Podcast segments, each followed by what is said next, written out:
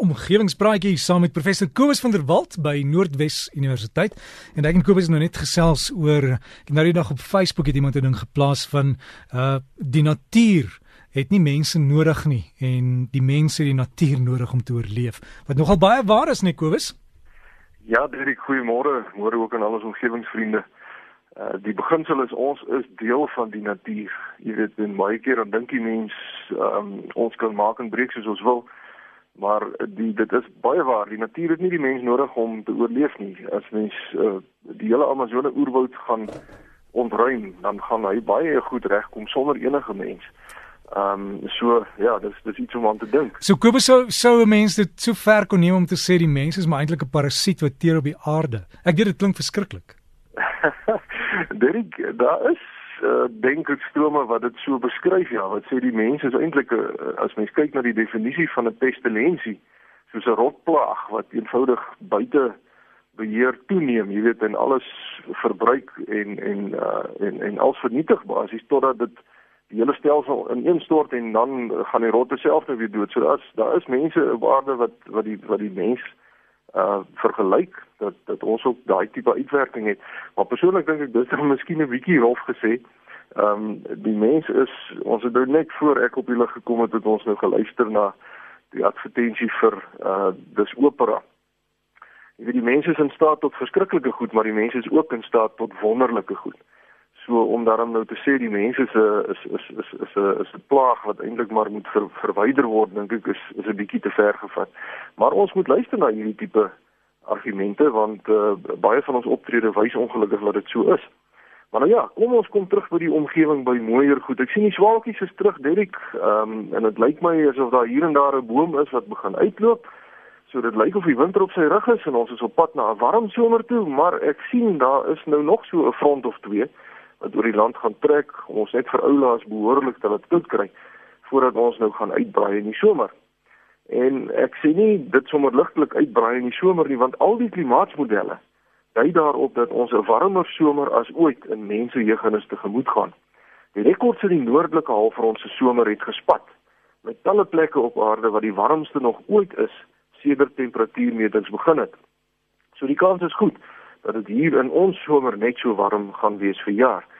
Ek sê altyd dat ek die winter bo kan die somer verkies want in die winter kan 'n mens truie en jasse aantrek tot jy nou nie meer koud kry nie. Maar in die somer kan mens net tot op 'n punt uittrek en daarna moet jy maar sweet in die hitte verdra. En ons moderne mense is natuurlik baie vinnig om ligversorgers in die somer aan te skakel of verwarmers in die winter. En uh, as jy jou oë uitvlee dan skuld jy 'n groot klomp geld aan elektrisiteitskoste want hierdie goed gebruik baie energie en dis 'n bose kringloop want dit help aardverwarming net nog verder aan want hoe warmer dit word hoe meer lugversorging skakel ons aan en hoe meer energie gebruik ons en om energie op te wek uh produseer CO2 wat in die lug ingeblaas word wat dit net nog weer warmer maak. Nou dit sal natuurlik baie beter wees as ons alternatiewe wyse kan ondersoek om die temperatuur van ons werkplekke en ons woonhuise te reguleer. En ek het verlede jaar vertel van hoe heerlik koel ons huis is nadat ek die dak wit geverf het met 'n spesifieke soort verf wat die son se energie tot 'n groot mate weerkaats. En 'n hele paar omgewingsvriende het navraag gedoen oor watter verf ek gebruik het sodat hulle ook hulle dakke kon verf. Nou die geverfde dak het 'n soortgelyke afkoelingseffek in ons huis teweeggebring as wat 'n baie groot en uitgebreide lugverkoelingsstelsel sou kon doen. Maar die beste is dat die verf heelwat goedkoper as lugversorging is en dat dit nadat dit nou aangewend is natuurlik geen energie gebruik nie. Maar iets anders wat ons ook kan doen is om met plante die temperatuur in ons huise te reguleer deur bladwisselende struike of bome aan die noorde of weste kant van jou huis te plant. Ons huis se gastekamer het byvoorbeeld 'n muur wat weswaarts front en in die somer het daardie muur kokend warm gebak in die son, so die kamer was regtig warm. En toe plant ek 'n boom daar wat ek met gereelde snoei gevorm het dat hy nou lyk soos 'n muurtjie voor die muur.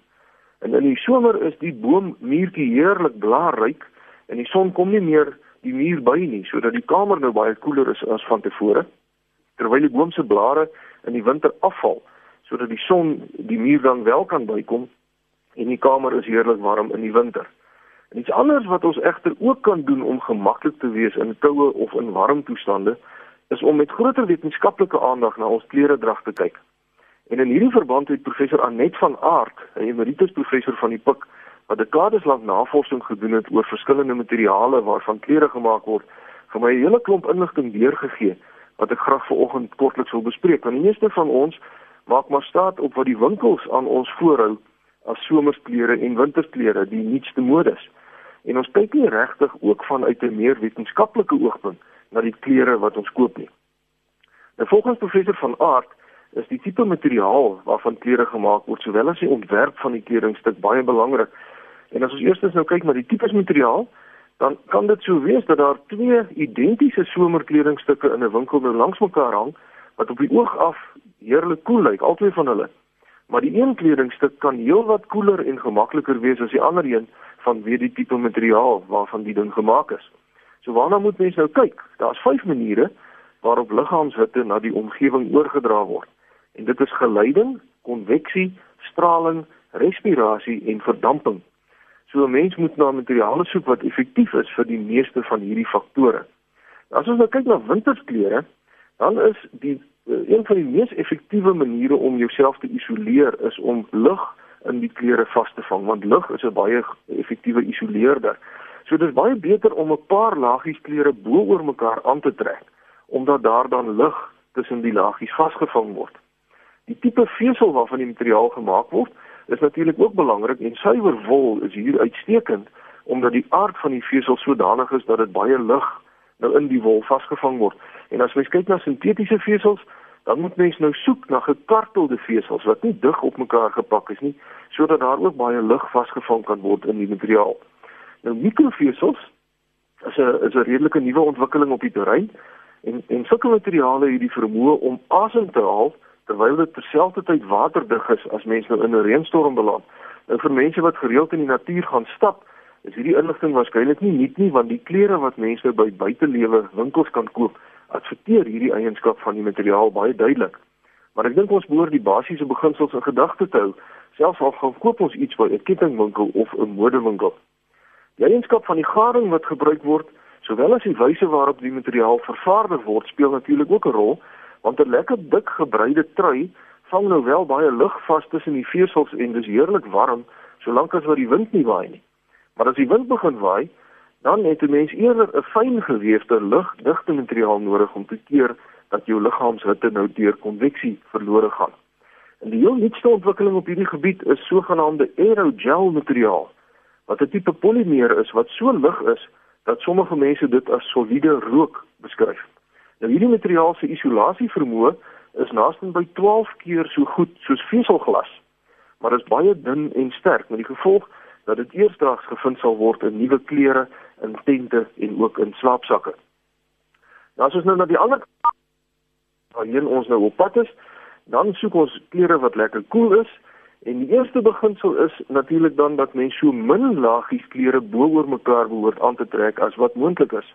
Want jy wil nou nie lug vasvang in jou kledingstukke wat keer dat jy effektief van jou liggaam se te ontslaa raak nie. Die klere moet verder nie styf sit nie, maar moet openinge hê waardeur die warm lug rondom jou lyf dan sirkuleer en kan ontsnap. Materiaal wat nou vermy moet word is viskose of rayon, sy, poliesters en nylon, maar katoen en linne is baie effektiewe somermateriaal. Die beginsel is dat die klere lig moet wees, lekker liggewig, dit moet deurlaatbaar wees en dit moet goeie beskerming teen die son bied, ons moet dit nooit vergeet nie. En dan moet die styl van die kledingstuk doelbewus daarop gemik wees om maksimale afkoeling teweeg te bring. En dit beteken natuurlik Dirk dat 'n sportbroek en 'n T-hemp dalk nou nie so cool sal wees soos wat 'n stylvolle netjiese kledingstuk is, 'n stukkie kantoordrag sal wees wat doelbewus ontwerp is om cool te wees nie.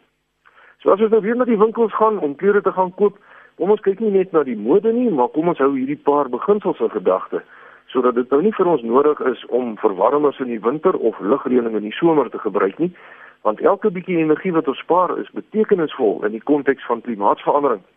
En ons moet natuurlik nie net energie spaar nie, maar ook water. Ehm um, van die Valdam, Dirk, ek dink Gawie het dit vanoggend gesê is hier net bo kan 30% vol. En dink wat gaan gebeur as Gauteng sonder water sit. Dit is 'n verskriklike ding. Ehm um, so ons moet water spaar en om water te spaar moet ons energie spaar. En verder weet ek ek het gister gou 'n draai gaan maak in Katoe en dit is droog jong. So kom ons hoop en bid dat ons nou die reenseisoen tegemoet gaan en dat ons Hemelse Vader vir ons vinnig en mildelik reën gaan skenk. En daarmee sluit ek af vir oggend. Baie dankie aan professor Anet van Aart vir u waardevolle bydrae. En as mense vir my wil skryf, is u baie welkom. My rekenaaradres is kobus.vanderwalt@nwu.ac.za of kyk gerus op omgewingspraatjies se Facebook bladsy vir meer inligting. Vriendelike groete tot 'n volgende keer. Dankie Kobus vir jou ook vriendelike groete en daai Facebook bladsy is miskien die maklikste baie inligting daar is omgewingspraatjies. Dis die meervoud omgewingspraatjies